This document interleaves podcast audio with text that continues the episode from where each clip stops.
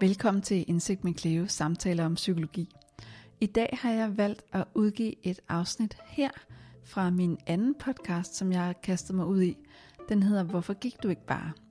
Og det her, det er afsnittet med Anne-Katrine Bleivad, hvor vi definerer sammen, hvad psykisk vold er, og hvordan man kan forstå begrebet gaslighting.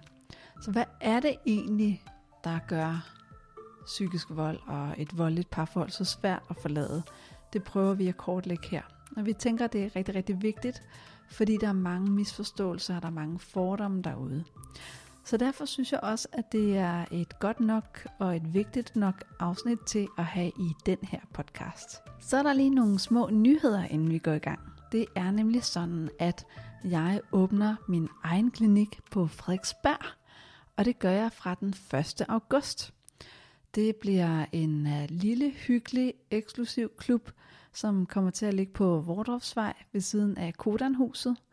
Der er fire terapilokaler, og så kommer der til at være et lille medieværksted, hvor man kan lave videoer og skrive artikler og lave podcast, hvis man har lyst til det.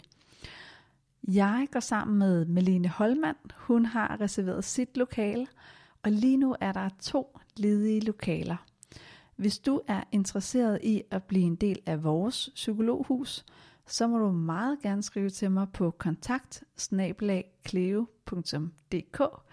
og så finder vi ud af et kaffemøde, hvor vi kan lære hinanden at kende og se, om vi er de rigtige partnere for hinanden. Skriv så hurtigt du kan, inden at lokalerne er blevet nuppet. Med din øh, lokale plads, så får du selvfølgelig også lov til at komme med på hjemmesiden, som vil være en vidensbank af både kurser og blog og podcast og online kurser, der er rigtig højt til loftet, fordi mig og Melene, vi uh, lægger meget vægt på, at man skal kunne få sin viden og sin terapi andre steder end kun fra den individuelle terapi. Så øh, hvis du er med på at være en del af et super dejligt psykologhus, hvor der også er plads til at være kreativ og lave andre opgaver og tilbyde en masse fed viden, så skal du være meget velkommen til at skrive, og jeg glæder mig til at møde dig. En anden lille nyhed er som sagt, at jeg øh, har valgt at lave en separat podcast, der hedder Hvorfor gik du ikke bare? Det betyder også, at jeg har lidt mindre tid til at lave den her podcast, fordi jeg har jo ikke fået flere timer i døgnet siden. Så øh, podcasten her vil blive sendt lidt mindre ofte end hver uge. Det blev den jo helt i starten. Det bliver måske hver anden eller tredje uge, afhængigt af hvor ofte jeg har mulighed for at få nogle dygtige gæster i studiet her. Og så laver jeg også to soloafsnit lige om lidt. Jeg vil lave et om skizofreni og forklare, hvad psykoser er, fordi der findes rigtig mange misforståelser derude, og jeg tænkte, nu hvor jeg har arbejdet et par år med psykoser i psykiatrien, så bør jeg da lige dele min viden der. Og så har jeg indgået i et rigtig fedt samarbejde med Dansk Psykologisk Forlag. Så jeg laver også et afsnit om øh, Brené Browns bog Ud i Vildmarken. Hun er virkelig genial, og hun er værd at følge. Hun har også sin egen podcast, som jeg varmt kan anbefale. Rigtig god fornøjelse med dagens afsnit, og øh, jeg håber, at du får en masse ud af det kommende afsnit om psykisk vold og det komplekse, nedbrydende parforhold. Hej.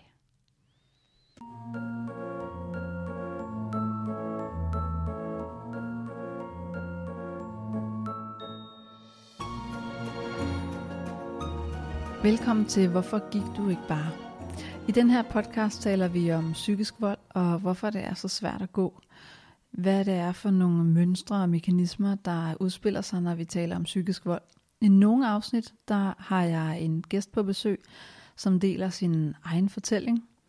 Og i andre afsnit har jeg en psykolog på besøg for at give os en masse viden og redskaber til, hvordan vi kan sætte grænser øh, eller komme ud af forhold, der er destruktive, eller hvor der er psykisk vold. I dag har jeg Anne-Katrine Blævad i studiet.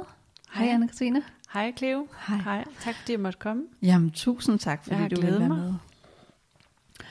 Øhm, og jeg har inviteret dig med, fordi, som min podcast navnet også siger, mm. at vi har det tit med at spørge som pårørende, hvorfor gik du ikke bare? Præcis. Og, øh, og jeg synes, det er et meget relevant emne, fordi når jeg har klienter, øh, jeg har jo rigtig mange kvinder, men også mænd, som øh, lever i et parforhold, hvor at de er i tvivl om, om der er psykisk vold i parforholdet eller ej, og hvor de skal have hjælp til at kunne mærke sig selv igen, øh, hjælp til at tage en beslutning, om de skal blive og sætte forventningerne meget ned, eller om de skal udvikle en, en villighed til at gå. Mm. Så jeg synes, det kunne være rigtig fedt at have en medpsykolog med ja. i min podcast, som arbejder rigtig meget med det samme, Præcis. og som også har gjort sig nogle tanker, og som kan bidrage med en endnu bredere viden og endnu flere, øh, flere redskaber. Fordi min holdning er, at jo mere bevidst vi er om, hvad det handler om, jo mere ejerskab kan vi tage, jo mm. mere empowered kan vi blive, så at sige, for at bruge nogle moderne ord. Og jo bedre kan vi hjælpe os selv. Lige præcis. Mm. Lige præcis.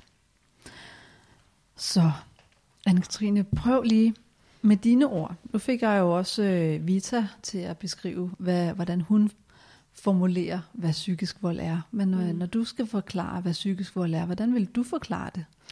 Men psykisk vold er jo noget, der foregår mellem to mennesker i en tæt og nær relation, altså en intim relation, ofte i kærlighedsforhold. Det kan også foregå mellem børn og voksne, og det kan også selvfølgelig foregå på øh, arbejdspladsen.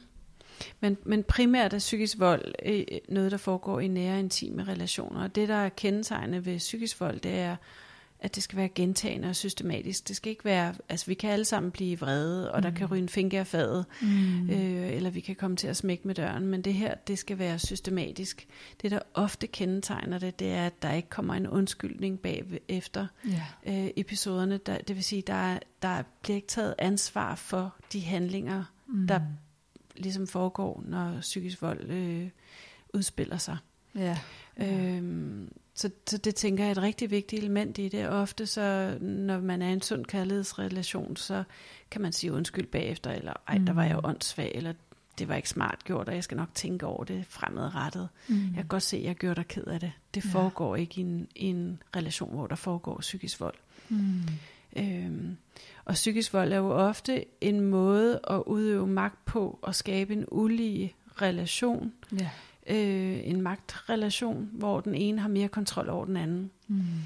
Øhm, og det er der forskellige metoder til at gøre. Det kan være, at man er nedgørende, eller man kontrollerer, eller man er kritisk, eller man isolerer. Mm. Øhm, det kan foregå på rigtig mange måder. Mm. Og meget mere subtilt end det og også. Lige præcis. Det ja. kan være rigtig svært. Det er meget, det, fysisk vold, det kan man se. Ja. Det kan være et blot mærket, et brækket ribben. Men psykisk mm. vold kan man bare ikke se. Mm. Og det er så svært at sætte fingeren på, hvad er det lige, der sker, fordi det kan ske meget, meget øh, subtilt, som du siger, altså uden man opdager det, og lige pludselig så er man godt fanget i det. Mm. Ja, og det er jo også derfor, jeg har valgt navnet til podcasten, ikke? Ja. Fordi det er tit, at der går så lang tid, at man, og man bliver så øh, smurt ind i det, ja. at det bliver den nye normalitet, og man ja. holder op med at kunne mærke sig selv. Præcis, ens grænser rykker sig jo undervejs, og hvad bliver, ja. hvad er rigtigt og forkert her? Mm. Og man, man mister faktisk fornemmelsen af sig selv undervejs. Mm. Øhm, og det er det, der gør, at det ofte kan være rigtig svært at flytte sig. Ja, ja. Ja, så man kan sige grundlæggende, vi kan alle sammen komme til at opføre os som en idiot. Ja, fuldstændig. Øhm, men hvis vi øh, kan se, at vores opførsel har været idiotisk, så er det måske mere normalt, mm. end hvis man ikke tager ansvar, hvis man ikke ser undskyld. Yeah. Og hvis man ikke gør det, eller man er ansvarsforskrivende, eller pusser sin egen glorie, eller skyder skylden for ens Præcis. adfærd på den anden, øhm, så er det der, hvor at, at det er en idiot. Det er ikke bare idiotisk opførsel. Præcis, ja, ja. præcis. Det er en god måde at sige det på. Ja. God pointe. Jamen, jeg synes, det er ret vigtigt at pointere, fordi jeg får tit spørgsmål, øh, både fra lyttere, men også fra øh, potentielle klienter. Mm. Øh, han opfører sig sådan og sådan og sådan og sådan og sådan. Er han narcissist? Er han mm. psykopat? Præcis. Og der gør jeg meget ud af at fortælle, jamen hvis den adfærd, han udviser, ikke er acceptabel for dig, og han opfører sig som en idiot, mm. og han ikke ser undskyld bagefter, øh, så lever det jo ikke op til dine værdier. Nej, Og præcis. så skal du overveje, om du vil være i det eller ej. Kig på adfærden. Mm. Og så er det faktisk ikke så vigtigt, om han er narcissist eller Præcis. psykopat, eller hvilken diagnose Det er jo han har. Så er det faktisk vigtigt at kigge på, hvad er det, det gør ved dig? Føles Ja. det rart? Er det trygt? Har I gode stunder, hvor I hygger jer? Har det dejligt? Du, I kan tale om alt muligt. I kan blive sure på hinanden, men I kan også tilgive og tage ansvar for de handlinger, I gør. det. Præcis. Det er, en sund, det er i hvert fald en sundere kærlighedsrelation, end det andet er. Ja, ja. Hvor man får det afsluttet ordentligt. Og så, så handler det jo også rigtig meget om at kunne mærke sig selv og Mm. sine værdier og kunne, øh, kunne mærke sine grænser Behov, tænker jeg. og behov. Ja. ja. ja. Anne-Katrine, du er psykolog med Ja. egen praksis. Ja. Og jeg kan godt lide, at lytterne de får sådan et, et tydeligt billede af, jamen, hvad er det for en psykologidentitet, de lytter til lige nu. Mm. Hvad er det for et patchwork-tæppe, du har, du har bygget op i din karriere? Og mm. hvad har du haft fokus på og haft interesse for gennem tiden? Har du lyst til at fortælle lidt om dig selv? Det vil jeg rigtig gerne. Jeg kan starte med at fortælle helt privat, at jeg er 49 år. Mm. Jeg er ved at være en gammel kone, og har, Nej. har, øh, har to børn og et, Mhm. et bonusbarn og øh, en kæreste, og øh, er, er fraskilt øh, på 9. år. Mm. Øhm, og har været selvstændig de sidste ja, tre år har jeg faktisk været selvstændig, og inden der har jeg været 14 år i psykiatrien Mm. og taget en specialistuddannelse i psykiatri. Øhm, og så har jeg tidligere, inden jeg røg i psykiatrien, der har jeg så også været selvstændig. Mm. Så jeg har øh, nogle års erfaring med psykiatrisk behandling og udredning, og så har jeg noget erfaring fra privat praksis. Ja. Øhm, og, og min oplevelse, hvis man sådan skal pejle det ind på det her, som vi arbejder med i dag, med psykisk vold og taler om i dag, så er det jo, at jeg synes, der kommer flere og flere klienter. Mm. Øh, jeg tror, der er kommet et øget fokus på psykisk vold. Der er også lige faldet dom i Odense med en kvinde, en mor, der er, har fået en dom på to år for psykisk vold mod sine børn. Ja. Øhm, så der er et større fokus på Mm. det her i medierne, Ja. og det er faktisk også blevet gjort ulovligt. Ja. Øh, I 2019, januar 2019, blev psykisk vold ulovligt. ja. Endelig. Endelig, præcis. Mm. Øhm, så jeg, jeg tror, jeg igennem min, øh, min private praksis har oplevet en større tilgang, og det stiller jo krav, når, når klienter kommer til, mm. at så skal man have noget faglig viden. Ja.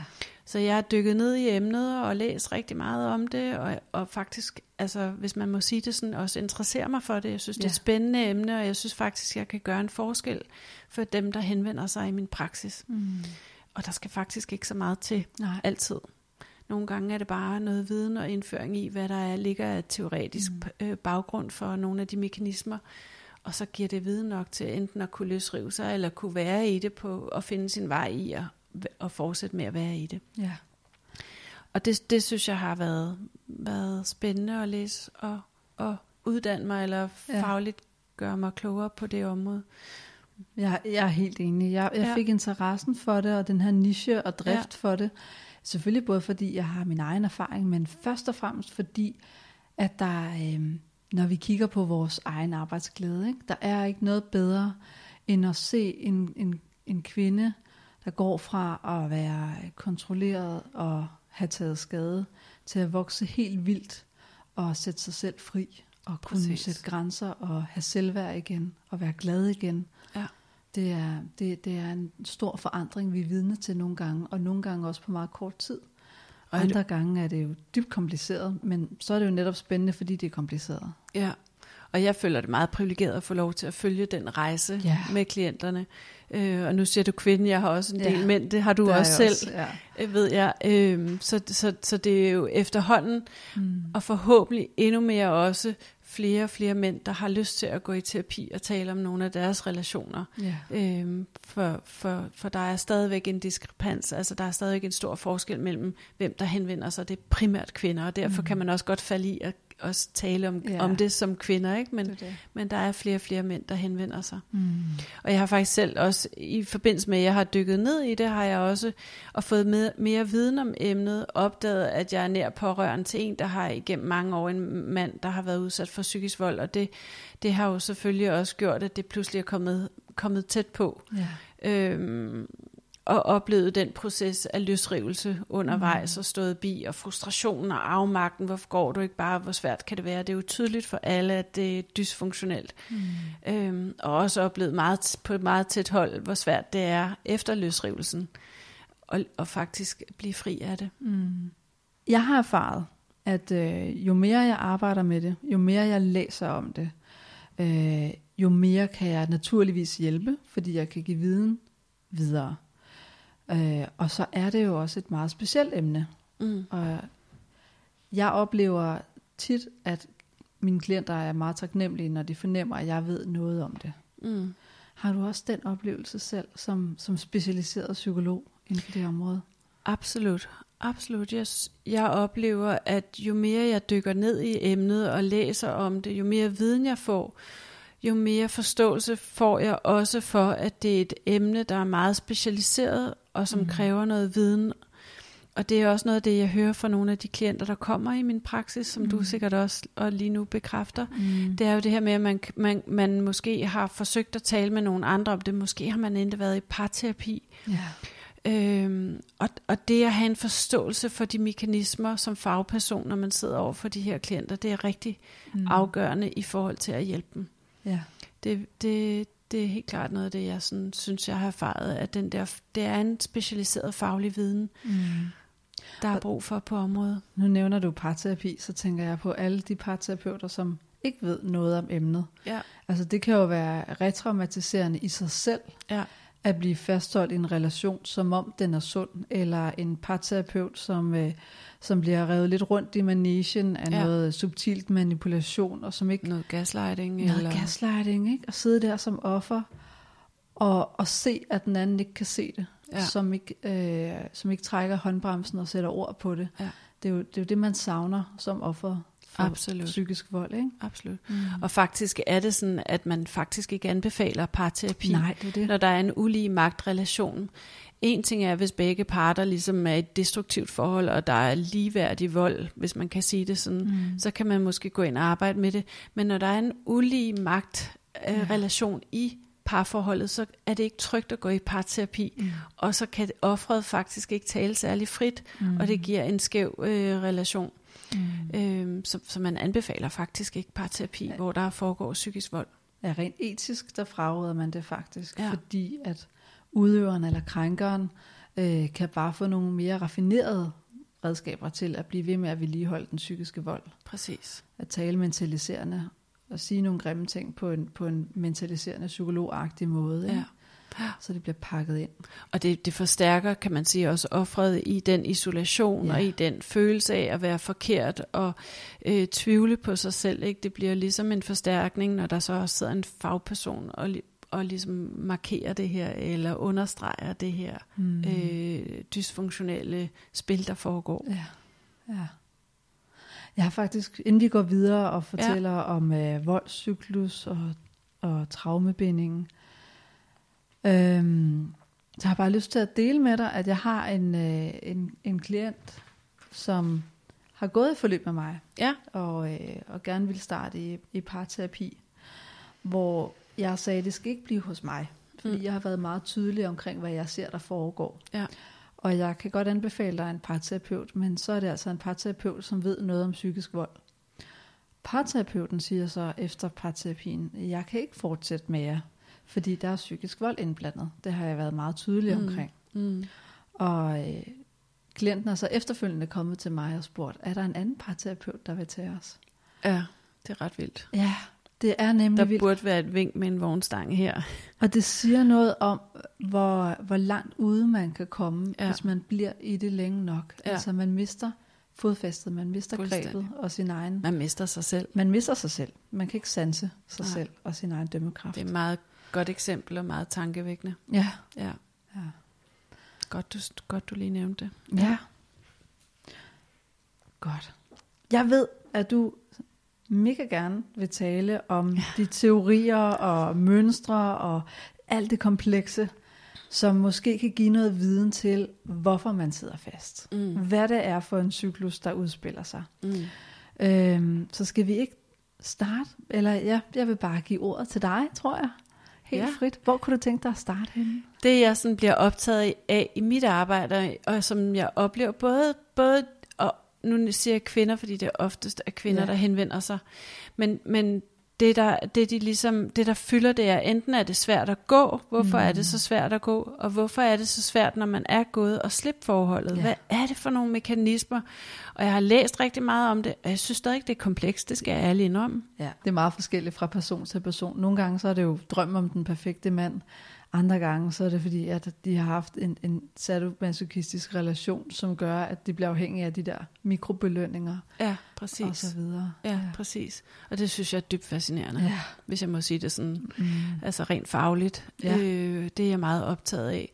Øh, så det, jeg har sådan dykket ned i, det er jo det, der hedder traumebinding, Ja. Som er jo kommer, det er et amerikansk begreb, som kommer fra volden. Mm. Øh, men hvad er det, der gør, at det er så svært at gå? Hvad er det for en særlig binding, der opstår mellem en offer og en krænker i et intimt forhold? Ja. Traumebinding er et fænomen, der stammer fra en gisseltagning i Stockholm tilbage i 70'erne, hvor at der er nogle gisler, der bliver tilbageholdt i flere dage, og de får øh, en lille smule mad og drikke, og så bliver de ellers truet på livet. Og i forbindelse med den gisseltagning er der en kvinde, som får empati og bliver forelsket i gisseltageren og besøger ham gentagende gange i fængsel. Mm. Og jeg mener også, at jeg har læst, at simpelthen også vedligeholder hans hus efter hans død. Wow. Så det, det er jo en stærk, stærk binding, der er sket her. Mm. Både det der med, at den, øh, der tror en på livet, samtidig er også den, der redder en, kan man sige, ved Ja. at give en lille smule mad og drikke i de dage, det foregår. Ja. Og den, øh, den traumebinding, der foregår i en relation med psykisk vold, den ligner lidt det her. Det, det stammer derfra, det begreb. Mm. Og det, der jo sker, når vi forelsker os, det er jo, at vi åbner op for alle sluserne, og så knytter vi os til hinanden. Ja. Vi går ind i det åbne.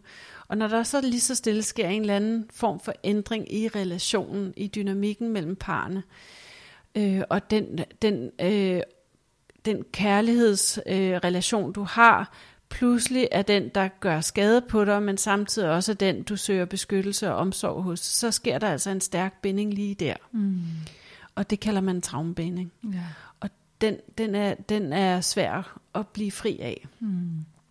Så det er både at blive, både at blive truet og, og, og blive skadet af sin nærmeste øh, intime partner, men samtidig også få noget kærlighed og omsorg, Ja. Kan være stærk bindende Ja. og stærk knyttende. Ja, og euforiserende også, fordi ja. forskellen fra, når det er helvede til, til når det er rigtig godt, øh, den bevægelse fra det rigtig dårlige til det rigtig gode, er jo, er jo altså berusende. Ja, Det er lækkert at få den der lettelse af, at ah, nu er det som det plejede, eller ah, nu lugter det af det, jeg drømte om. ja, at det skal nok blive godt. Så ja. Ja. hver gang giver det håb. Men så bliver man så straffet igen senere, så man bliver motiveret til at arbejde for, at nu skal det gå bedre, fordi det er alligevel ikke helt godt. mm, Øhm, så man arbejder hele tiden hen imod at, øh, at, at blive fastholdt og fastholde den anden. Ikke bevidst, mm. men, men fordi der er et håb om, at på et tidspunkt, så, så bliver det godt. Mm, præcis, Mm. og det er jo det, der også er med til at fastholde det, det der håb lige om lidt. Ja. Jeg har jo set ja. en bid af det, jeg har set et glimt af det ofte i starten. Det kan være tre måneder, det kan være seks måneder. Mm. Men der var det jo fantastisk, så det er der jo lige inde bagved. Ja. Og jeg tænker, den beruselse, du taler om, den, er, og den der euf- euforisering, mm. den er jo også fængende, og den er ja. særlig udtalt, når den går fra stress, Ja, altså helt, præcis. helt øh, krise i relation til at blive helt euforiserende. Mm. Og det tænker jeg, det er jo også med til at fastholde, altså det bliver, man bliver nærmest afhængig af den, Det er jo det. altså den op- og nedtur, der, der kommer. Vi kender det jo alle sammen fra, hvis vi har haft et skænderi med en partner, og vi så har make-up sex bagefter. Ikke? Det er noget af den bedste sex, der findes. Ja. Så, så man, kan, man kan forstørre det op og sige, okay, psykisk vold, det er så 20 gange værre end et Mm. Og genforeningen er 20 gange stærkere. Det er en god måde at skrive, sige det på Ja. og beskrive det på. Ja. Og jeg tænker, at det du sådan er, er lidt inde på, som er også noget af det, jeg beskæftiger mig med i min praksis, det er det, der hedder, altså det kommer fra volds, man kalder det voldscyklus, Mm. men, men man kan godt bruge den i psykiske øh, voldelige forhold, Fordi det er netop det, du siger med, at der er sådan en, man, det er en cirkel, hvor der er en fase, hvor man måske går lidt på æggeskaller, man kan fornemme, at der er noget under opsejling. Ja. Der er en, man bliver mere og mere anspændt, situationen derhjemme bliver mere og mere anspændt, så kommer der en eksplosion. Mm. Og eksplosion kan, kan komme til udtryk på mange måder. Det kan også være ignorering i flere dage. ja. Silent treatment. Silent treatment lige præcis. Det kan være øh, nedgørende situationer, hvor man bliver kritiseret og nedgjort, måske foran andre, måske bare derhjemme. Øh, og det kan også være vredesudbrud, de her uforudsigelige vredesudbrud, eksplosioner, mm. som nogle gange sker, hvor man ikke rigtig ved, hvad, hvor, hvordan man har trådt forkert, og om det er noget helt andet, det handler om. Mm. Og efter de her eksplosioner, så kommer den her honeymoon-fase, forsoningsfase, ja. som er så euforiserende, Mm. lige præcis som du beskriver. Mm. Og hvor man netop får et glimt ind bagved Ja. af den person, om det er jo der, Det er jo ham, der er den rigtige. Han er eller lige hende, der. der er den rigtige. eller hun er lige der. Det er jo Mm. det, jeg så i starten. Det var det, jeg forelskede mig i. Det er lige inde bagved. Og i nogle tilfælde, så tænker man, Nå, men hvis bare jeg lader være med at stille så mange krav. Ja. Hvis bare jeg nu var lidt sødere. Eller hvis bare jeg ikke var så sensitiv. Mm. så skal det nok lykkes. Så skal jeg nok få mere af det. Og det håb, det er så afgørende i forhold til den her cyklus, i forhold til at fastholde en i den binding. Ja. Og det føder Ja. ja. også ind i en devaluering, altså en forkertgørelse af ens egne følelser, hører jeg. Ja, Fordi så begynder man jo at sige til sig selv, at det er mig, der er sensitiv, eller det er også bare mig, der er lidt smådeprimeret, eller mig, der er kritisk, eller stiller for store forventninger, mm. hvilket så føder ind i noget af det, han kan, eller hun kan finde på at sige, krænkeren, præcis. at, øh, at nej, det var slet ikke sådan, jeg mente, og du er også bare mega følsom. Altså, mm. det forstærker jo devalueringen, Præcis. det at have håbet om den mand, der aldrig findes. Præcis. Ja, Som jo også kan være med til at fastholde en i, i relationen, kan man sige. Ikke? nemlig. At man, ligesom vi tager vej til mig, og formentlig har beskrevet i et af Ja, de tidligere ja, øh, podcast, så, samtaler, som du har haft, det her med at være forelsket i en drøm, i en illusion, mm. og håbet, der bare fastholder en i, i det. Ikke? ja, præcis. Øhm, og jeg tænker nogle gange, hvis man sådan skal kigge på, hvad er det for nogle tegn, der gør, at jeg er i en traumebinding, at jeg er i sådan en form for relation, så er det netop, som du siger, det her med, at man begynder at devaluere sig selv. Mm. Det kan nogle gange være et tegn på, at man er i en traumebinding. Ja. Altså, om jeg skal bare lave mig lidt om. Mm. Jeg skal bare lade være med at være så sensitiv, eller stille så store krav. Mm. Men det kan også være sådan noget med, at man går ind og normaliserer, om det er også synd for, om han er så stresset i øjeblikket. Ja. Ej, det var også en svær barndom, hun havde, så derfor, det forklarer jo, hvorfor Mm. de reagerer, som de gør. Og hele det her normalisering, det gør jo også, at man kan ligesom blive fastholdt i det, fordi man kan hele tiden finde gode argumenter for deres adfærd. Ja. Og det er der, hvor jeg synes, det er meget vigtigt at skelne mellem undskyldning og forklaring. Ja. Altså en, en hård barndom, øh, omsorgsvigt, kan godt være med til at forklare dårlig adfærd, men det må aldrig blive en undskyldning for, at man godt må udøve dårlig adfærd over for andre. Nej. Så, så jeg tænker bare lige sådan, bare en- lige i forhold til en opsamling til traumebinding, mm. så er det jo det her med, at det er en relation, der er psykologisk utryg med psykisk vold, men tidvis lettesten Mm. ligesom er noget, der kan ligne omsorg og kærlighed. Ja. Og så er der også, Og den, og, undskyld, og den vekselvirkning, den forstærker den der tilknytning, mm, der er mellem parterne. præcis. Altså vekselvirkningen mellem det gode og det onde, hvis man kan sige det sådan faktisk. Ja. ikke? Og jeg ser også ofte, at de udlever nogle af deres barndomstraumer Ja. gennem deres parforhold. Ja. Øh, det her med for eksempel en, øh, en afvisende mor, der Ja. ja. skal afreageres på. Øh, eller en øh, far, der skiller for meget ud. Mm. At øh, hvis man for eksempel har en afvisende mor, øh, så kan man være ekstra sårbar. Ens sårbarheder kan komme frem, når den anden virker fjern. Mm. At så øh, reagerer man på en eller anden måde. Man kommer ind i en tilstand, hvor man reagerer i affekt, Mm. når den anden gør det. Eller rettere sagt, en, en der har været udsat for meget skæld ud, som mm. nu er kommet det videre og har brug for at skælde ud i det voksne liv. Mm. Øhm, hvis man har en dynamik, som er modsatrettet med hver sin slags barndomstraumer, så Mm. kan det også være selvforstærkende Mm. i, i forhold til tilknytningen i parforholdet, i det Ja. voksne parforhold. Ja. Det ser jeg i hvert fald rigtig ofte, især når, når par bruger ord som, jamen du triggede mig, du fik vækket noget gammelt fra min barndom. Mm. Øh, og især hvis, øh, hvis den ene er meget opsøgende, altså har en meget aggressiv stil, og den anden er meget undgående, at så, så kan man komme til, uden at ville det, at provokere hinanden. Ja. Og det er jo det, vi ser i, i meget højkonflikte par Mm. ofte. Og, og det er her, den adskiller sig, den psykiske vold. Nu ved jeg godt, at vi gentager os selv lidt. Men, men det, der er med traumebindinger i forhold til psykisk vold, er jo netop, at den dårlige adfærd bliver ved. Der bliver ikke sagt undskyld. Der bliver ikke anerkendt et ansvar. Præcis. Det er så vigtigt, og man kan ikke understrege det nok, tror Nej, jeg. præcis. Så, så det kan godt være, at man har nogle barndomstraumer, og at man bliver trigget på nogle områder. Øhm, det kan vi alle sammen komme til. Men forskellen er, om man tager ansvar. Om der Præcis. er ansvarsfralæggelse, og man forkert gør den anden, og man nægter at sige undskyld. Øhm, og man øh, ja, bruger tankelæsning som et argument. Ikke? Du burde vide sådan om mig, at jeg har behov for det og det. Mm. Og så videre, så videre. Ja, det er gode pointer. Mm. Det tror jeg er rigtig vigtigt også at få med. Ja, fordi jeg, jeg tror, det er vigtigt at adskille, adskille de, de traumebindinger, der måtte være i håndkonflikte par, og så psykisk vold.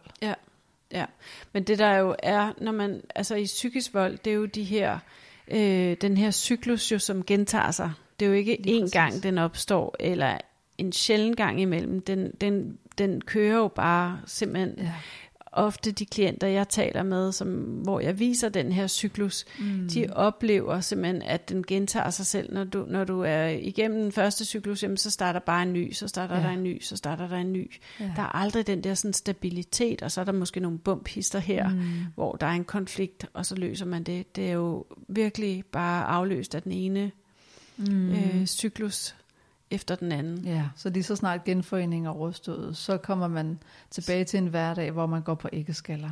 Ja, der Ja. kan godt være en lidt rolig periode, ikke? Men, mm. men det er altid forudseende, at der kommer en periode med æggeskaller, og så kommer Mm. der en eksplosion af en eller anden art, Ja, eller en silent treatment, eller hvad det nu kan være, og så kommer der igen en forsoningsfase. Mm. Altså man kan ofte sidde og pinpointe de her ting frem. ja.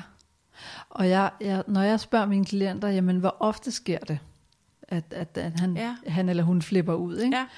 Ja. øh, så er det overraskende mange, der mere eller mindre præcist kan sige, hvor mange dage der går imellem. Okay. Ja. Fordi de synes, de lægger selv mærke til, at hov, jeg har ikke prøvet at være i et forhold, hvor at det er så regelmæssigt, at han flipper ud. Ikke? Mm. Det er meget tit, jeg hører, at jamen, det er sådan cirka hver tiende dag, eller mm. hver tredje dag. Mm. Eller det er, øh, det er øh, jamen, før klokken 9 skal jeg Mm. ikke sige noget til ham, fordi så flipper han ud. Mm. Så det du faktisk siger, det er jo, at der er et, ofte et mønster i det. Der er et, et tydeligt mønster. Øh, Så, så det kan jo også være noget af det på sigt, der kan være vigtigere yes. Yes. i virkeligheden at skrive ned for sig selv. Hvis Ja. man er i tvivl, så måske skrive det mønster ned, ja, så man får sådan en fornemmelse af den her cyklus, ja. så man bliver klogere på, hvad Præcis. det egentlig er, man er i. Fordi i normale gåseøjne øh, parforhold, så skal der jo være en hændelse, som berettiger nogle meget stærke følelser, mm. Som berettiger et skænderi, øh, eller en misforståelse, hvor hvis vi kigger på misforståelsen og tænker, okay, wow, hvis, hvis hun troede det om mig, hvis hun ærligt talt havde de tanker, tog de tanker seriøst, så kan jeg godt forstå, at hun blev så påvirket. Ja. Øh, så der skal ligesom være en eksplosion først. Mm. Men, men ved psykisk vold, så er der ikke nogen eksplosion, altså en ydre hændelse. Der er sjældent en forklaring på. Der er sjældent en forklaring. Men, men øh, det, det ødelæggende i det, i eksplosionen er der. Ja.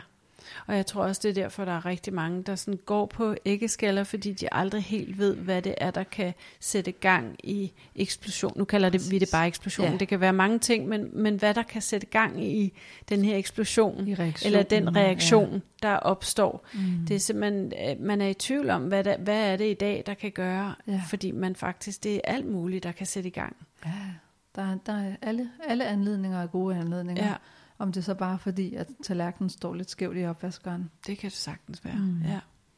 ja, præcis.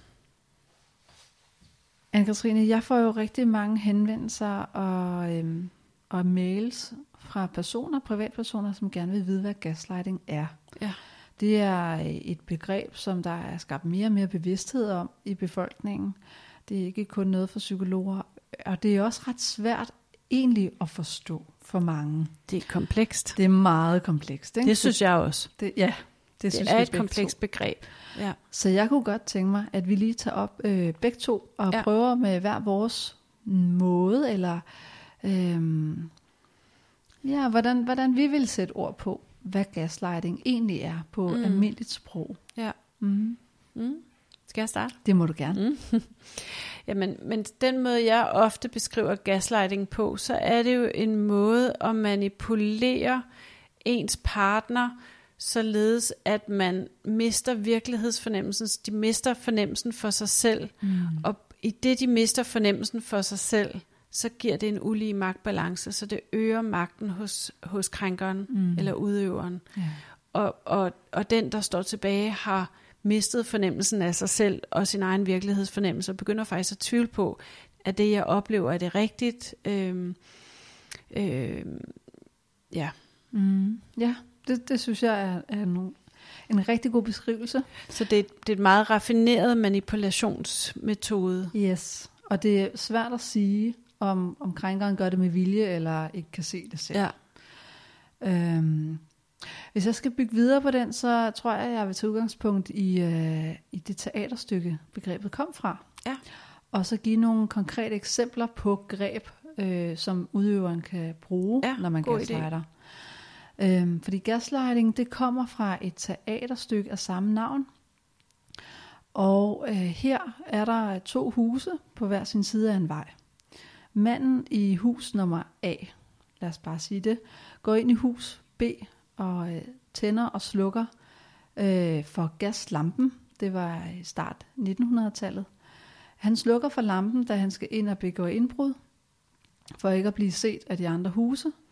Og så røver han så huset, tager nogle smykker og nogle penge, og øh, tænder lampen igen, inden han går, så det ikke er bemærkelsesværdigt. Fordi på den tid, der havde man typisk øh, lidt lys i det område, jeg ved ikke. Men han slukkede i hvert fald lampen, mens han begik indbrud. Mm. Det ser hans kone over på den anden side af vejen, altså i hus A. Mandens egen kone, manden er indbrudstyven. Øhm, og da politiet så kommer hen og skal afhøre konen, fordi hun har jo lagt mærke til noget, de spørger, om hun har set noget mistænkeligt, fordi naboen selvfølgelig melder det, så får manden, indbrudstyven, øhm, inden politiet kommer frem, overtalt hende til, at hun har ikke set noget, at hun har set syner, at hun må være skør, at hun må være sindssyg. Mm. Så Præcis. konen ender med at afgive falsk vidneforklaring, fordi hun bliver overbevist om, at hun ser syner. Mm. At hun tror simpelthen, at hun må være psykotisk, Mm. eller at det, det hun har set, ikke var sandt. Mm. Og jeg synes, det giver et rigtig, rigtig godt billede af, Mm, hvad gør gaslighting er.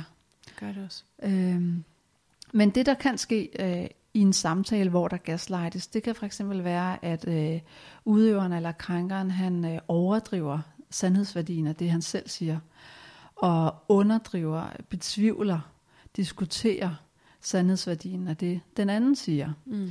Det kan være, at øh, krænkeren øh, anklager den anden for at have en psykisk sygdom, eller siger, at man er skør, at man er deprimeret, at man er angst, at man er overfølsom.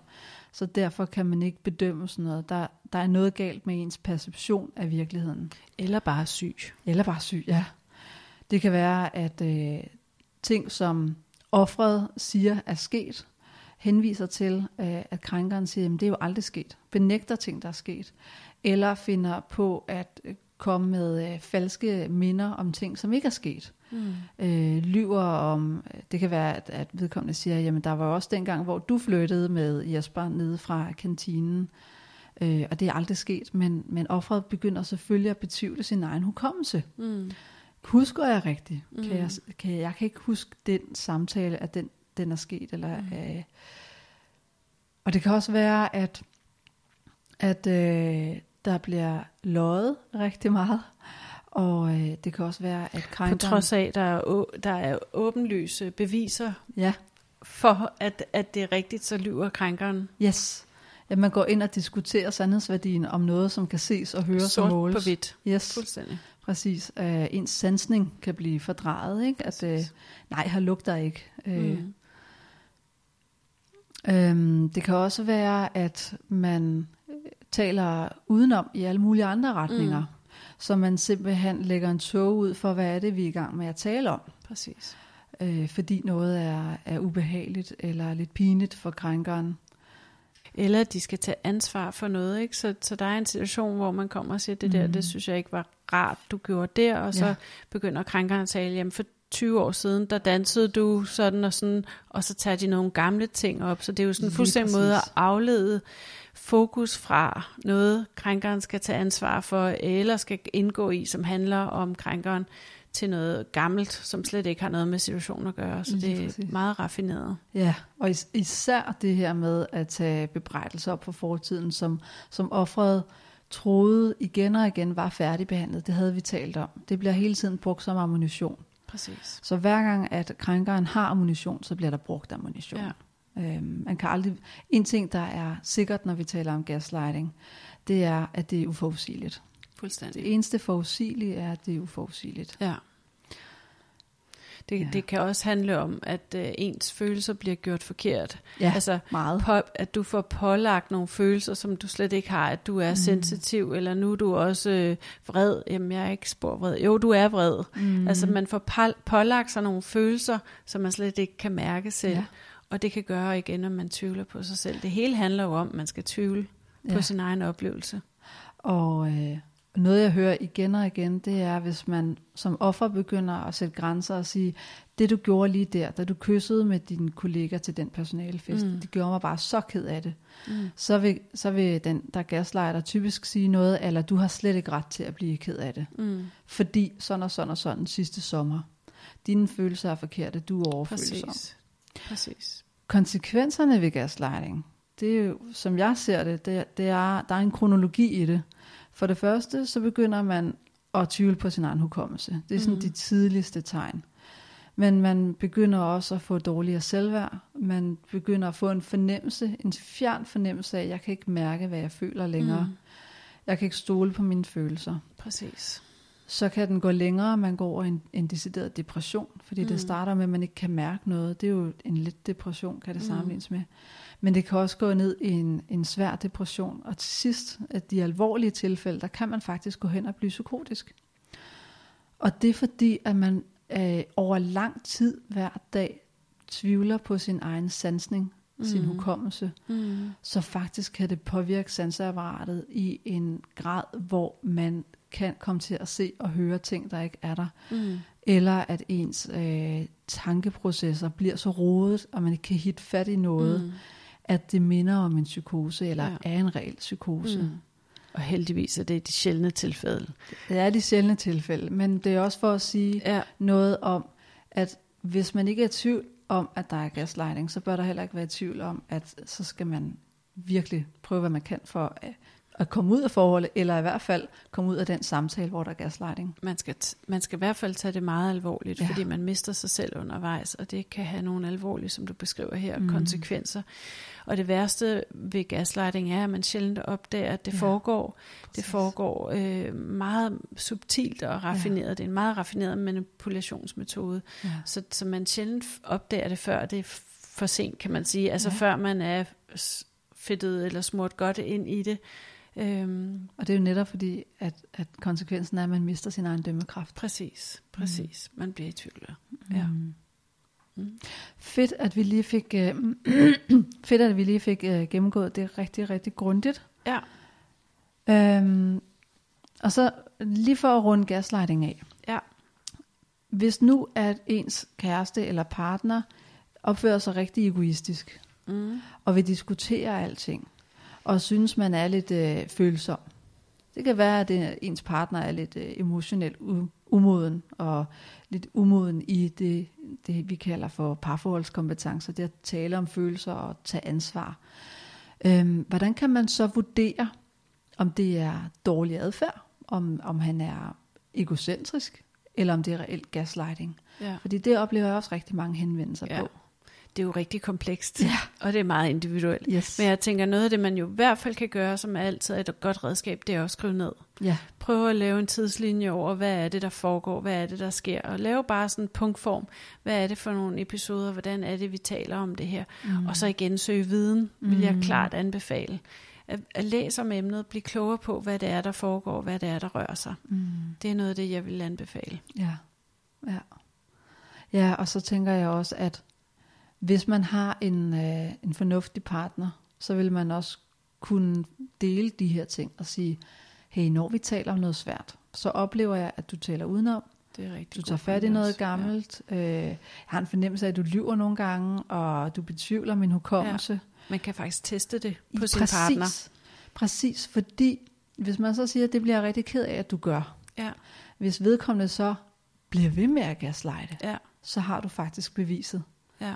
Øh, fordi en, der gaslighter, en krænker, han vil, han vil jo fortsætte gaslightingen.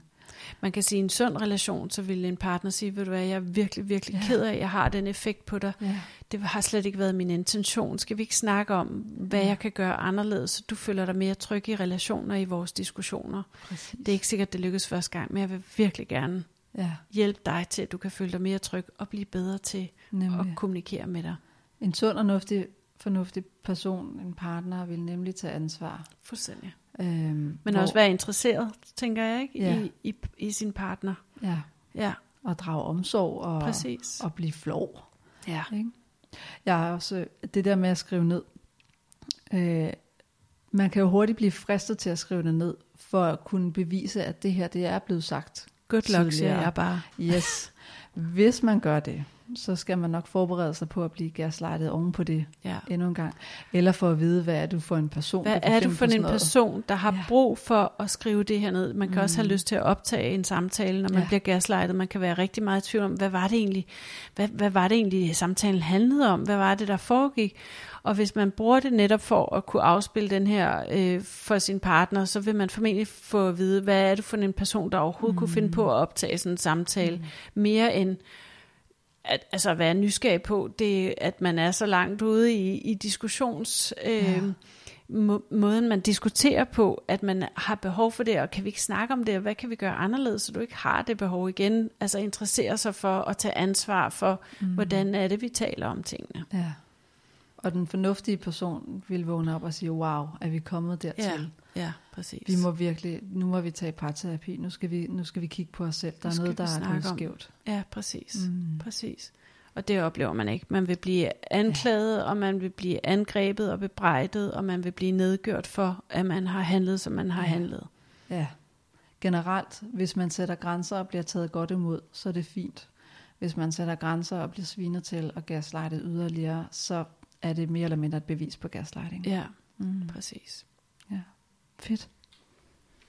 God pointe. Jeg Mm. tror, det er vigtigt. Ja. Det, fordi at når vi taler om psykisk vold, så øh, et af mine mål med at lave den her podcast, er også ligesom at, at lave en, en navigationsguide eller et kort, så man netop bedre kan mærke sig selv. Ja. Så det er nogle rigtig gode advarselssignaler for, at vi kan hjælpe lytterne derude med at blive kalibreret igen. Ja. Ja. Mm. Præcis. Hvad kan man gøre, hvis man er den, som er, har en fornemmelse af, at man bliver udsat for psykisk vold? Ja, Mm. altså hvis man selv har en fornemmelse. Ja, nu sagde vi lige det her med at skrive ned. Øhm, er der andre ting, man kan gøre, hvis man som offer, eller hvis man har en fornemmelse af, at man er offer for psykisk vold? Jeg, tænk, jeg tænker netop det her med at få skrevet nogle episoder ned, så man kan se det sort på hvidt. Det kan være svært at snyde sig selv, når man har det sort på hvidt foran sig. Ja. Øh, fordi det er ikke altid, man har lyst til at se, hvad det er, man, man står midt i. Fordi hvis man bliver afklaret, så skal man nogle gange også handle. Mm. Så, så det at få det sort på hvidt, det er altid godt. Beskriv nogle episoder, som ligesom viser, hvad det er, der foregår. Mm. Det er en ting. En anden ting kunne være at kigge lidt på, hvad er det for nogle værdier, ja. der er vigtige for mig. Det her med, hvad er, hvad er acceptabelt og uacceptabelt for mig? Ja, det kunne det være. Men det kan også være, hvilke værdier kunne, er vigtige for mig i, en par, i et parforhold, i en Mhm. nær, intim relation. Hvad er vigtigt? Og hvis man ikke ligesom kan finde ud af at pege på noget selv, så prøv at finde nogle, nogle parforhold, nogle Mm. øh, relationer omkring dig. Det kan også være med nogle venskaber, hvor du ligesom kan kigge hen og sige, okay, det, det ser ud som om, de har det godt, eller Ja. det er noget af det, jeg drømmer om. Hvad er det, de gør? Griner Mm. de sammen? Taler de fortroligt? Har de respekt for hinanden? Ja. Kan de løse deres skænderier på en ordentlig måde? Hvordan taler de til hinanden, når der er andre til stede? Hvordan taler de til hinanden, når der er andre til stede? Mm. Hvordan rører de ved hinanden? Hvordan er kontakten? Altså prøv at være lidt nysgerrig på, hvordan andres forhold ser ud i forhold til, hvordan dit forhold ser ud, og så prøv at få beskrevet, hvad er det for nogle værdier, du længes efter? Mm. Hvad er det, man godt kunne tænke sig, der var af værdier i en Ja. kærlig, tryg relation? ja. Så man faktisk sammenligner sig selv med noget, der er normalt, Ja. kan man sige. Ja. Fordi den der normalitet godt kan skride lidt. Man kan faktisk ja. være i tvivl om, hvad der er normalt, når man er i en relation med psykisk vold. ja. Så Så- prøv at skrive ned og kigge lidt på det. Ja, jeg tror også, det, det er nemmere at sammenligne med, hvad længe ser egentlig efter et parforhold, end hvad der er normalt. Fordi netop som du siger, normalitetsfornemmelsen, den er lidt gået af sporet. Ja, man har ens grænser har flyttet sig. Mm. Ja, præcis. Ja. Så det kunne også være en måde at, at ligesom kigge på, hvor langt er jeg fra det, jeg drømmer om. Ja. Ja. ja. Jeg plejer også at sige til de kvinder, der af forskellige årsager øhm, har truffet et valg om at blive i et psykisk voldeligt ja. parforhold. Det er jo deres valg. Jeg kan jo Præcis. ikke tvinge folk til noget som helst. Jeg kan kun komme med, med visdom og viden og fordomsfrit. Men der plejer jeg også at sige, at man tilbringer så meget tid, du kan med de personer og venskaber, der nærer dig. ja. Øhm, så i stedet for, at vi bruger 90% af tiden med vores, øh, i vores parforhold, som vi jo normalt gør, og 10% i venskab, jamen så brug 90% blandt dine venner, og Mm. 10% i dit parforhold, og tal om emner, du ved er rimelig sikre. Ja. Øh, fordi jo mere vi så er sammen med vores venner og dem, der nærer os, jo mere får vi også en fornemmelse af, jamen, hvad er normalt og acceptabelt. ja, god pointe. Mm. Og jeg tænker også netop i forhold til det her, hvis man vælger at blive i relation, for det er der jo nogen, der gør. Mm. Der er nogen, der af forskellige årsager vælger at blive i relation, om det er Mm. børn, økonomi eller Kultur, religion. kultur, religion, men måske også kærlighed. Ja, Vælger at blive i relationen, så er det bare rigtig vigtigt at sætte ambitionsniveauet derefter, Ja. og det lyder strengt at sige, Ja. men, men, men man er nødt til at forholde sig realistisk til, hvad man kan forvente, så man er nødt til at sætte de forventninger derefter mm. i forhold til, hvad man kan forvente at få af sin partner, og mm. mm. øhm, hvilke behov man kan få dækket, hvilke grænser man må sætte, ja. hvordan ens hverdag kommer til at blive af tryghed. Der er man nødt til at være meget realistisk og sætte det derefter. ja. For jeg tror, at hvis man er for ambitiøs og forventningsfuld i sådan en relation, så slider man sig selv fuldstændig ned. Ja, og mm, det kan også skabe en, en ond cirkel, der hedder, at man stiller nogle krav til partneren, som partneren ikke kan møde. For Ja. eksempel, man vil gerne tale om dybe følelser, fordi det synes man er rart i et parforhold. Men man er sammen med en, en ja, overfladisk type, vil jeg sige, som ikke kan det, og som bliver trigget af eller vred over lige pludselig at skulle det. Og, og den følelse af ikke at kunne slå til, kan så trigge noget vrede og noget psykisk vold. Og det starter en, en ond cirkel, fordi så kan man komme til at bebrejde sig selv. Præcis. Var det, var det fordi, at jeg pressede ham for hårdt? Er det i Præcis. virkeligheden min egen skyld? Og det er der, jeg mener, det kan blive opslidende, fordi ja. man faktisk kommer på overarbejde Præcis. konstant. Ja. Man bliver nødt til at indstille sig på, at han kan ikke ændres. Ja. Og, og det kan hun heller ikke. Og det kan hun heller ikke. Altså, de, Ja. de ændrer sig, jamen præcis, de ændrer sig bare sjældent. Mm. Der skal i hvert fald mange års terapi, og der skal en vis grad af selvindsigt og refleksion ja. og vilje til at gøre noget andet. Ja. Også fordi vi lige har defineret, at, at når det gælder psykisk vold, så er der en manglende ansvarstagen. Ja, Og kan du ikke tage ansvar for egne handlinger og reflektere over den måde, du er i verden på og opføre dig over for andre, Mm. så er der heller ikke plads til at forandre sig. nej, det er det. Det er det. Der er ikke nogen motivation for det. Præcis.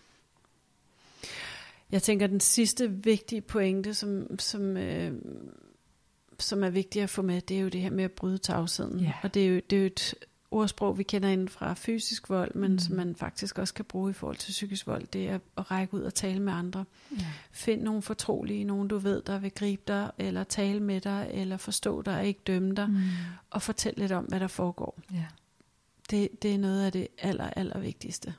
Ja, og vi skal også huske på, at psykisk vold er jo fysisk vold bare med ord. Ja, Øh, det er meget, meget få forskelle, der er. ja, Øh, mekanismerne er ofte det samme, ja. og måden vi styrker os selv og hinanden på er også det samme. Præcis, og det er også vigtigt at tænke på, at de færreste parforhold, hvor der er fysisk vold, Mm. altså de fleste parforhold med fysisk vold har der også været psykisk vold op til, Ja. ja. så man ved, at psykisk vold er en indikator for, at der på et tidspunkt er høj risiko for, at det udvikler sig til fysisk vold. Præcis. Det er bare et forstadie. Ja, præcis. Inden vi går videre til at tale om pårørende, så fik jeg bare lige en refleksion. Ja. Fordi det her med, at, at øh, psykisk vold er forstadie til øh, fysisk vold, Mm.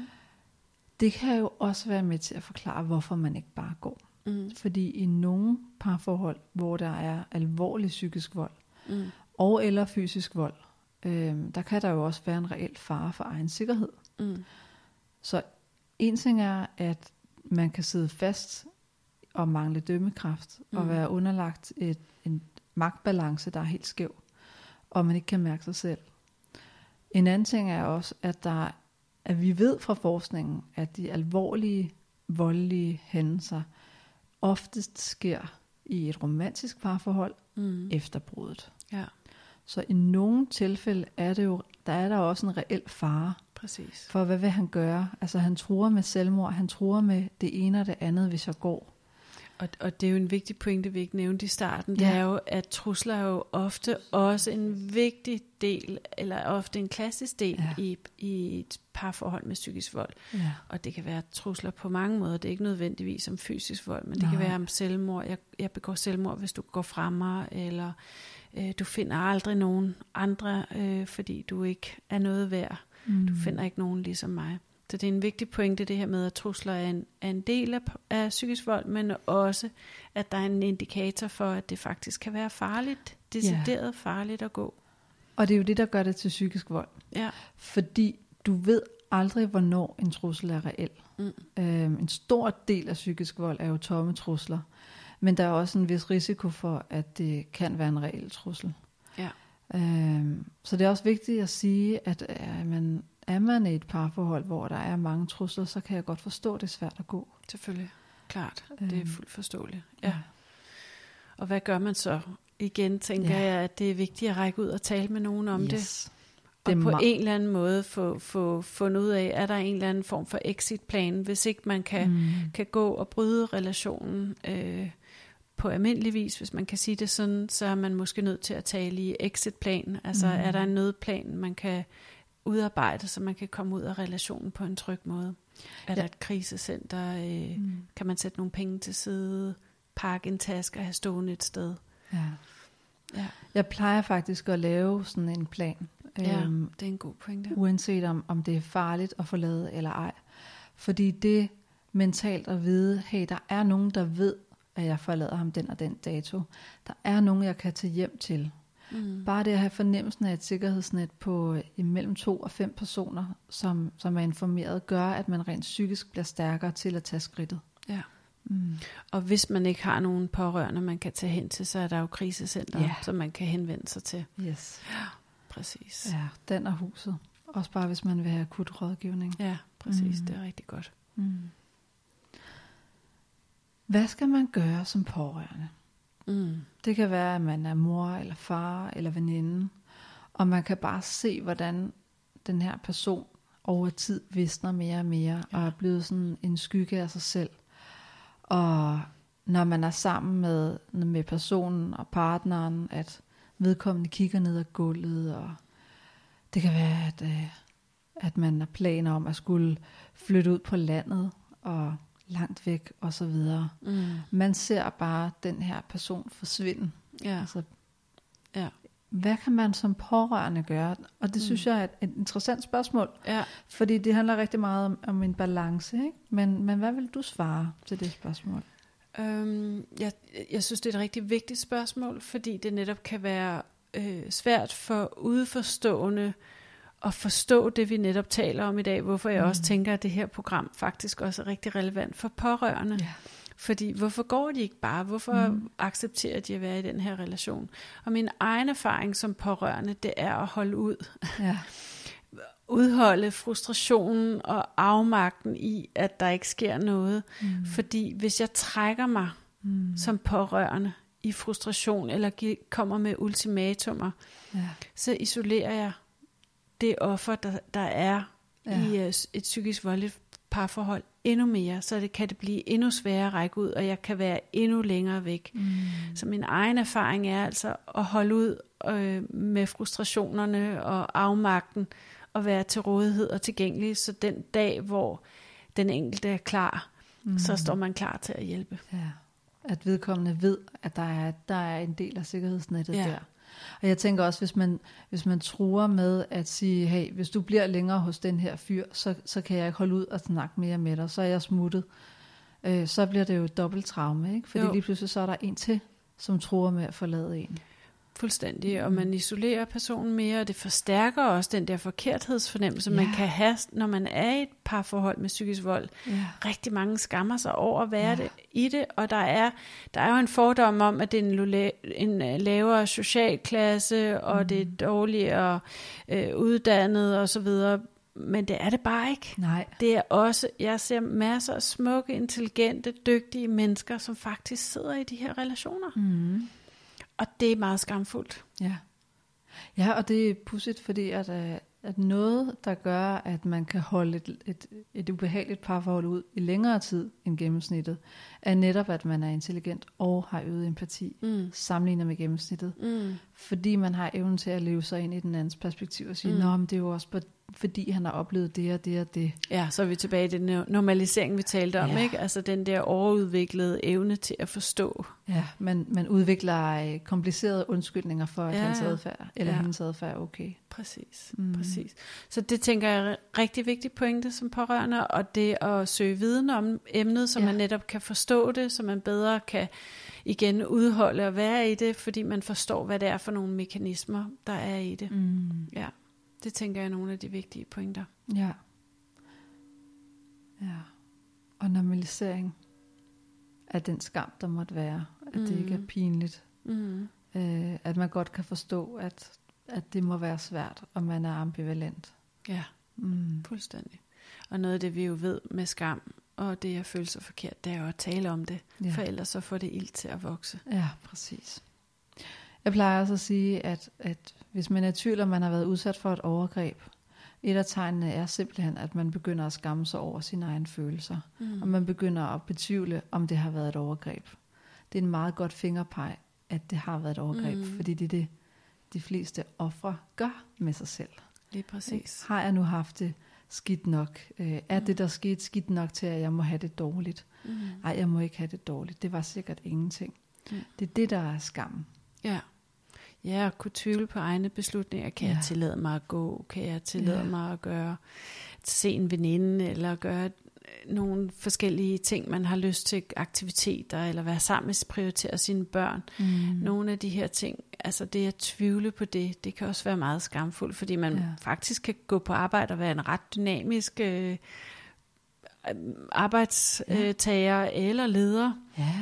Øhm, og så er der det her kontroversielt mellem øh, arbejdsliv og privatliv, ikke? Så, så det kan være rigtig svært.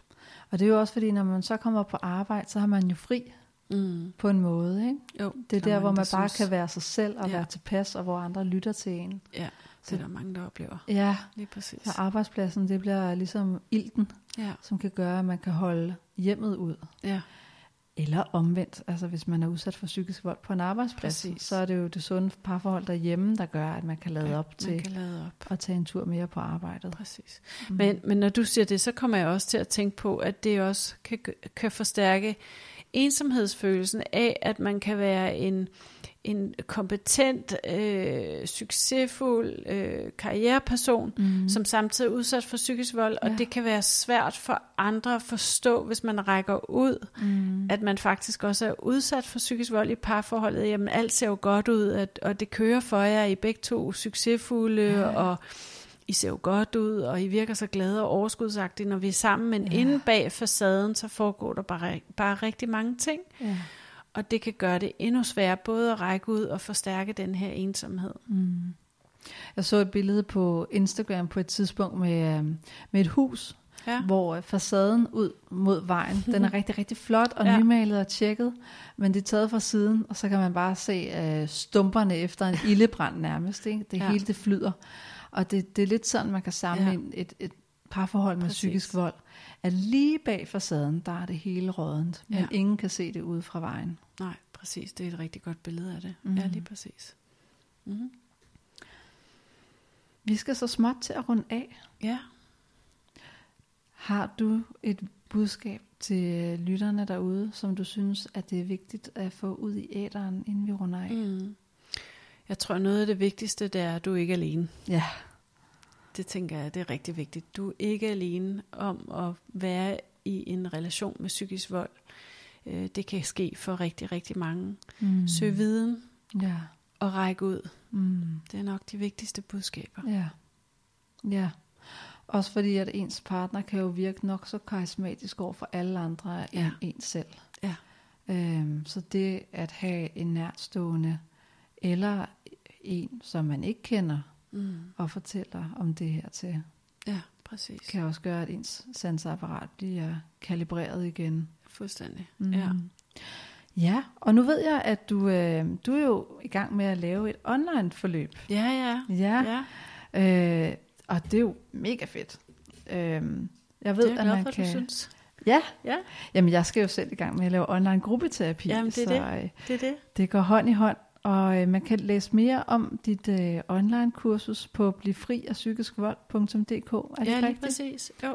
Ja. Og der kan man så tilmelde sig øh, mit, ny, mit nyhedsbrev, hvor man både får lidt information, men også vil få information om, hvornår den her, det her online, online forløb går i luften. ja, og Ja. hvordan man tilmelder sig og så Præcis. videre. Ja. Og det er meget tråd med noget af det, vi har talt om i dag. Yes. Ja. Mm. Så, Så, øh, så tak fordi jeg måtte komme Jamen. Og være med i dag. Det har været spændende. Det er første gang, jeg prøver at være med i en podcast. Ja. Det er jo meget spændende. er det ikke fedt? Jo, det er mega fedt. Øhm, jamen selv tak. Vi skal alle sammen, alle os der ved noget, vi skal støtte op om og give så meget info ud Absolut. som overhovedet muligt og skabe det her fællesskab, der ikke er der lige nu. Jeg er enig. Øhm, og det bringer mig også videre til at sige, at jeg laver jo en øh, Facebook-gruppe, og øh, her kan du lære de andre lyttere at kende. Det er en lukket og tryg gruppe, øhm, hvor vi passer på hinanden. Også så du kan få, øh, få ansigt på de andre lyttere og, øh, og være med i en del af fællesskabet. Mm. Og jeg deler det jo op i en mandegruppe og en kvindegruppe. Og det er den simple årsag, at øh, hvis man krydser kønnene, så kan man risikere, at der er nogen, som har levet eller lever i det samme parforhold Mm. mm. sammen. Ja. Øh, så øh, Og det kan trigge, tror jeg også, Ja. hvis de er i samme gruppe. Nogle kvinder bliver trigget af nogle mænd og omvendt, ikke? Altså for at beskytte dem, der vælger at gå ind i grupperne. Jeg er helt enig. så det, er ikke, det er ikke en kønskamp eller noget, det er simpelthen for at skabe mest mulig tryghed og sikkerhed. Mm. Yes. Tak, Cleo, fordi du øh, sætter fokus på emnet. Det er et vigtigt, vigtigt emne. Jamen velbekomme. Så det det, er- er, det er jo vores passion, Ja, og det absolut. er sindssygt vigtigt. Jeg er enig. at give info til dem, Helt som enig. ikke længere kan tænke rent. Ja, Mm. præcis.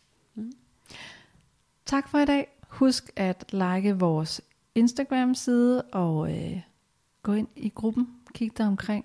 Del din historie. Det kan være, at der er nogen, der kan genkende det. Gå ind på øh, Bliv fri af psykisk vold, hvis du vil høre mere om det online-kursus, Anne-Katrine laver.